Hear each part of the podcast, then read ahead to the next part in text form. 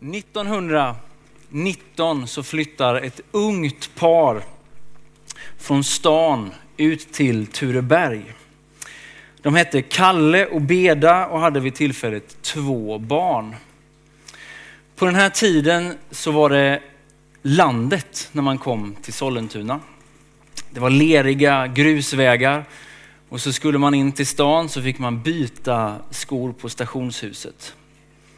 Det var svåra efterkrigstider, men Kalle lyckas ändå bygga ett hus till familjen. Ingen av dem kommer ifrån ett kristet hem, men efter en svår cykelolycka som Kalle råkar ut för så upplever de ett helande och en märklig upplevelse i sitt hem och får en ny glöd för att vinna människor för Gud. I den röda villan på Bagarbyvägen så startar Kalle och Beda små bönegrupper och de startar också en söndagsskola.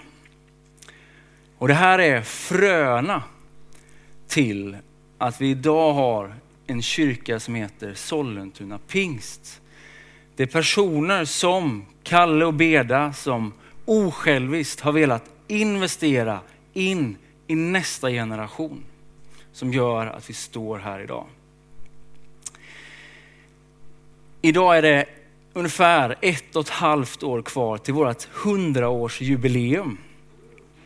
Och i vår så ska vi bygga kyrka. Vi ska renovera och bygga ut de här lokalerna. Och vi ska se till att det finns tro och att nästkommande generationer får bra verktyg för att sprida Guds evangelium i Sollentuna och Guds rike i Sollentuna. Det finns ett ordspråk från Kreta och det är att de, det är de första hundra åren som är svåra. Så om det stämmer så kan det bara bli bättre. Vi ska se till att Sollentuna Pingst finns i hundra år till. Under fyra veckor så har vi ett predikotema som vi kallar för Till. Till är en påminnelse om att vi som kyrka har ett uppdrag. Vi är kallade till nästa generation, till våra grannar, till de mest utsatta, till alla folk. Vi har ett uppdrag som sträcker sig långt utanför de här fyra väggarna. Och den här veckan så ska jag börja tala om att vi är kallade till nästa generation. Så vad är det då för uppdrag som vi har? Det kommer komma på skärmen. Och det är välkänt, det är missionsbefallningen och jag tänkte faktiskt att vi ska läsa den tillsammans. Det gör vi inte alltid. Men jag tänkte vi gör ett försök idag och ser om vi kan eh, fixa detta. Är ni med? Då gick Jesus fram till dem och talade till dem. Åt mig har getts all makt i himmel och, och på jorden. Gå därför ut och gör alla folk till lärjungar. Döp dem i Faderns, Sonens och den helige Andens namn. Och lär dem att hålla alla de bud jag har gett er och jag är med er alla dagar till tidens slut. Tack, vad duktiga ni var. Uppdraget som vi har ifrån Jesus är att göra människor till lärjungar. En lärjunge är en person som imiterar Kristus. En lärjunge är en person, en person som spenderar tid med sin mästare som blir som sin mästare och gör det som mästaren gjorde. Det är större än att göra ett gott intryck eller att göra vissa människor nöjda. Det är större än att erbjuda roliga aktiviteter eller bara trevlig gemenskap. Det är större och mycket svårare än att bara samla en publik. Vårt uppdrag är att gå ut och göra alla folk till lärjungar. Kommer det att finnas tro i kommande generationer? Kommer det att finnas någon som tar vid? Jag tror att mycket hänger på hur vi tolkar det här uppdraget. Det finns tre verb i missionsbefallningen. Tre att göra. Gå ut. Döp och lär dem att hålla alla de bud jag har gett er. Och man kan säga en massa saker om de här tre. Min poäng idag är att detta är ett arbete. Jesus lovar inte tillväxt utan arbete. Han lovar inte tillväxt av ren slump. Ändå är det så vi ganska ofta tänker att det här ska ske. Vi är lite bekväma. Det är lättare att tänka att det är kyrkans uppgift än min uppgift. Det är lättare att tänka att det är Guds uppgift snarare än min uppgift.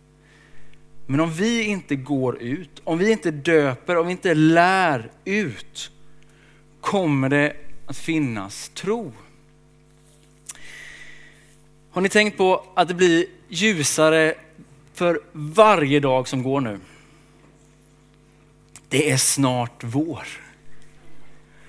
Jag vet att det är starkt optimistiskt att tänka så i januari. Du kanske inte kände så när du gick hit till kyrkan, men det är snart vår och jag längtar dit. En av mina absoluta favoritaktiviteter på våren, det är att ta med barnen och cykla ut till Ulriksdals handelsträdgård. Hur många har varit där någon gång? Upp en hand. Det finns många andra handelsträdgårdar, men idag ger jag bara reklam för Ulriksdals handelsträdgård. Jag tycker den är fantastisk. Om du aldrig har varit där, se till att besöka det någon gång eh, den här våren. Och när man kommer dit så inser man, det är alltid fullt med aktivitet. Det är inte som när man kommer till ett stort köpcentrum och ska hitta en personal någonstans. Där är det fullt med folk. Har du tur så springer du på Bosse Rappne i arbetskläder och hatt. Alltid hatt. Och man, jag har ingen aning, men jag bara gissar att det måste vara nästan hundra anställda någonstans som arbetar på det här stället. Det är alltid fullt med aktivitet. Utan arbete, ingen växt. Med arbete, tillväxt. Utan slit, ingen växt. Utan överlåtelse, ingen växt. Det är sant i naturen. Skulle inte det också stämma på trons områden? Vi måste ut ur våra bekvämlighetszoner. Och jag vet att jag predikar precis lika mycket till mig själv. Jag drabbades lite av den här berättelsen om Kalle och Beda i helgen. Min källa är Ivar Lundgren. Jag har läst många gånger vad det är han har, han har skrivit om det här paret, de här pionjärerna till vår församling. Men jag fastnade vid att de startade en söndagsskola i sitt hem. Och jag tänker att jag känner ganska många barnfamiljer idag. Jag känner inte en enda som har en söndagsskola i hemmet. Och jag är inte ute efter att ge folk dåligt samvete. Ni måste inte starta en söndagsskola hemma. Vi har en bra här i kyrkan. Men jag förundras över drivet. Och jag tror inte att det var alla människor som gick runt och startade söndagsskolor i sitt eget hem. Men Kalle och Beda gjorde det. Och deras driv måste vi inspireras av. De hade nästa generation i sikte och vågade låta det kosta lite för den egna bekvämligheten. Hur ger vi evangeliet vidare till nästa generation? Hur bygger vi tro? Personligen så, så känner jag både ett visst allvar och hopp när jag tänker på nästa generation. När man får gå på en sån här gudstjänst och få se det här teamet lovsjunga Gud, då är det inte så jättesvårt att känna hopp. Men jag inser när jag liksom rannsakar mig själv att det är någon kombination av både allvar och hopp. De som växer upp idag, de växer upp i andra tider. Räkmackan, den har redan passerat. Det är tuffare idag. Men jag tror att mindre bekvämlighet också kan få komma och innebära starkare lärjungaskap. Sen är min upplevelse, ni får rätta mig på första bänken här om jag har fel, men min upplevelse är att unga människor idag är lite mer real deal. Man nöjer sig inte med en bra atmosfär i kyrkan. Man köper inte hypen eller religiösa klyschor, utan man vill ha Gud. Man vill att det ska vara på riktigt. Och det tror jag är bra. Sen håller stigmat kring tro på att försvinna. Och kanske särskilt tydligt för den yngre generationen. Jag har med mig ett citat ifrån en, en svensk tidningsman som har sagt så här. Du uppfattas inte längre som dum om du vågar bekänna din tro. Tro på Gud. Idag är det ett tecken på intellektuell öppenhet. Det är en, en ganska märklig och liksom komplex tillvaro som vi lever i. Händer det något i en förort i Tokyo så vet vi det eventuellt om några minuter. Har det filmats så kan vi Eh, veta det innan det ens kommer på nyheterna. Och det är svårt att faktiskt tänka att det fanns en tid liksom, innan det var så här. Men det gjorde det. Vi tvingas att ställa allt mer komplicerade frågor. Vilka algoritmer styr mitt beteende? Vem är det som styr algoritmerna? Påverkas mitt dagliga beteende av någon från andra sidan planeten? Vi sitter ihop och pandemin var liksom det ultimata tecknet på den här sanningen. Från en marknad i Wuhan till hela världen. Vi sitter ihop. Och frukten av detta är faktiskt oro. Jag ska citera en kanadensisk filosof som heter Marshall Luhan, McLuhan. Han har beskrivit att, eller världen som en orolig global by. Och han, han menar liksom inte det här på något slags romantiskt sätt, att vi är som en stor by. Han menar det som att hela världen med all dess terror och komplexitet helt plötsligt är nära. Och detta gör oss till en orolig by, en orolig plats. Vi ska läsa ett passage i Gamla Testamentet som har en del likheter med vår tid. Den största likheten är att det också var en orolig tid. Israel hade levt med tolv stycken domare över sig, eller tolv hövdingar kanske man kan säga. Och det är en tid när Israel som nation upplever anarkism. Alla gör precis vad de själva vill. Det finns liksom ingen styrning över överhuvudtaget. Det är anarkism. Och så önskar folket sig en ny kung. Det kommer en profet som heter Samuel som smörjer Saul till kung.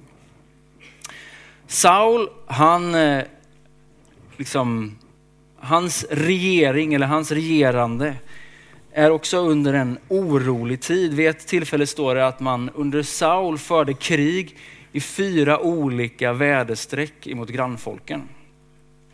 Så det är en orolig tid.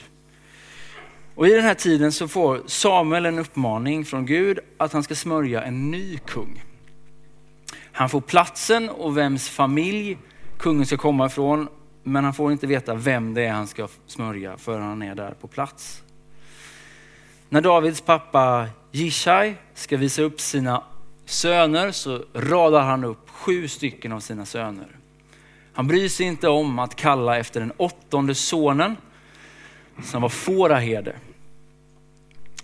Fåraherden är ute och vaktar fåren och i deras kultur så slår inte detta så jättehögt. Jag ville bara fastna vid det lite.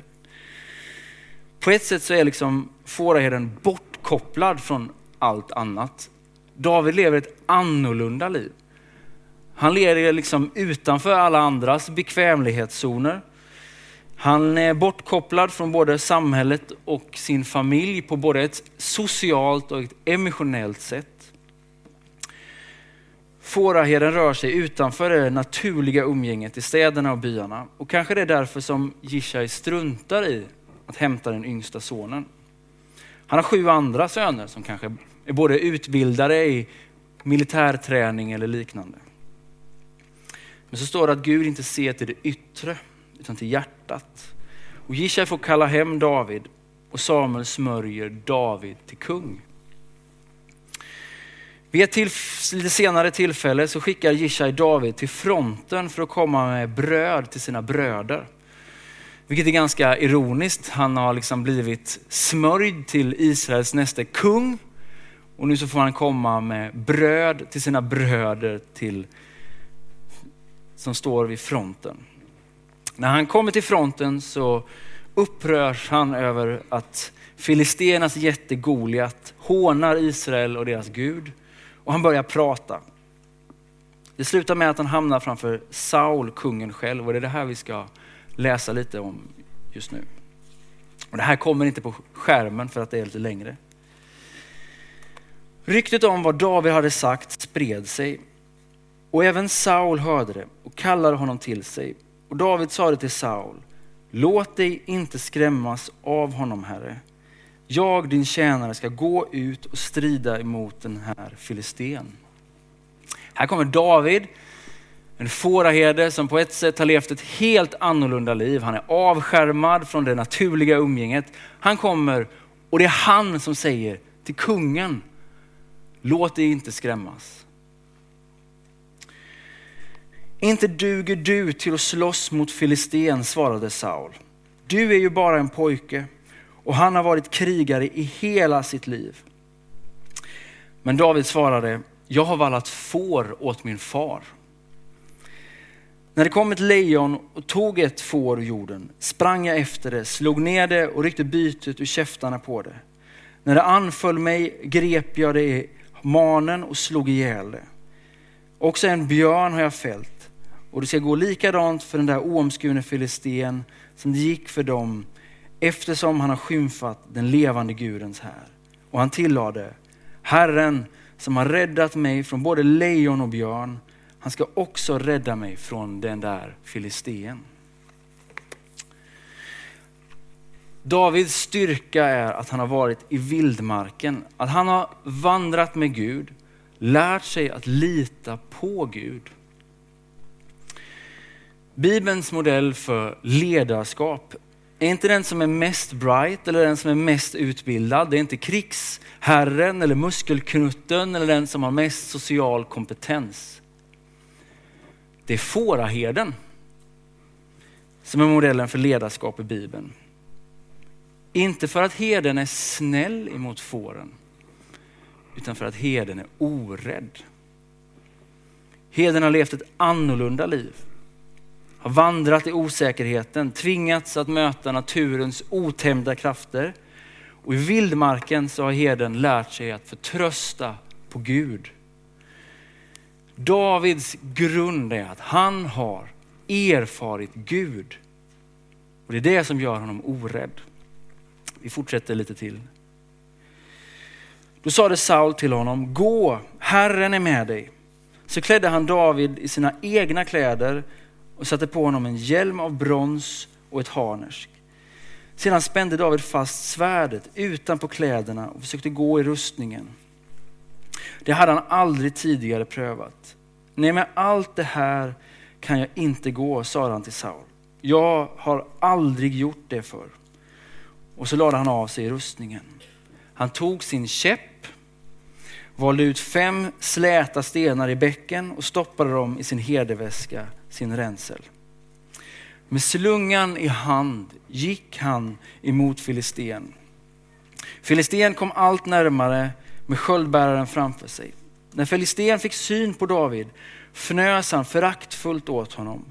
Det var ju bara en ung pojke, ljuslytt och vacker.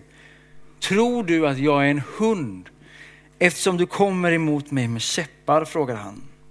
Så nedkallade Filisten sina gudars förbannelse över David. Kom hit, ropade han, så ska jag ge din kropp åt himlens fåglar och markens djur. David svarade, du kommer emot mig med svärd och spjut och sabel. Jag går emot dig i Herren Sebaots namn. Han som är Israels herrars Gud och som du har smädat. And the rest is history. Jag gör som i söndagsskolan. Jag hoppar över det här när han halshugger Goliat. David blir gamla testamentets starkaste ledare. Han leder hela nationen från en orolig tid in i en guldålder. Inte för att han är felfri, det vet ni som har läst, det är han inte. Men utan för att han har lärt sig att förtrösta på Gud. Utmaningen var inte rädd står 400 gånger i Bibeln. Men du kan inte själv peppa dig till att bli en trygg närvaro i en orolig tid. Du behöver erfara Gud, du behöver vandra med honom. Du behöver hitta ditt fäste i honom. Du behöver leva ett annorlunda liv. Som församling och kyrka så är vi kallade till att föra facklan vidare till nästa generation. Om ingen går ut, om ingen lär ut, om ingen tänder facklan, kommer det då finnas tro? Jesus ger inga sådana löften. Han ger oss en uppgift, ett arbete. Och han ber oss att be att det ska komma fler arbetare till skörden. Men vi behöver också inse att det kommer komma en dag då Sauls rustning inte passar. När det gamla sättet att göra saker inte fungerar. Och då behöver vi Sauls vishet att faktiskt släppa fram det som är nytt. Jag tror Gud för en framtid präglad av starkare lärjungaskap. Jag tror att vi kommer få se unga människor som har formats i osäkerheten, men också på grund av det hittat starkare fästen i Gud. Och precis som David gick till Saul kommer de komma till oss och säga, låt er inte skrämmas. Var inte rädda. Och jag ser fram emot det. Så låt oss ta vår uppgift på allvar att föra evangeliet vidare till nästa generation. Vi ber. Gud, påminn våra hjärtan. Väck dem Herre inför det uppdrag som du har gett oss Herre. Hjälp oss att få se storheten i det Herre. Att vi är kallade Herre att gå ut, att döpa och att lära dem att hålla alla dina bud Herre. Hjälp oss att ta evangeliet vidare in i nästa generation Herre. Hjälp oss att ta oss ut ur våra bekvämlighetszoner Herre. Gör oss modiga och orädda Herre. För det nya som kommer Herre. Tack att du har lovat att du går med oss i alla dagar Herre. Ge oss Davids mod Herre. Låt oss få erfara Herre dig. Låt oss få vandra i din närhet Herre. Låt oss få uppleva mer av dig Herre. Gör oss till en trygg närvaro i en orolig tid Herre. För att vi litar på dig Herre. Vi förtröstar på dig Gud. Forma i oss Herre, ditt trygga fäste Herre. Forma i oss en, en grund för en ny tid Herre. Gör oss orädda och modiga. I Jesu namn. Amen.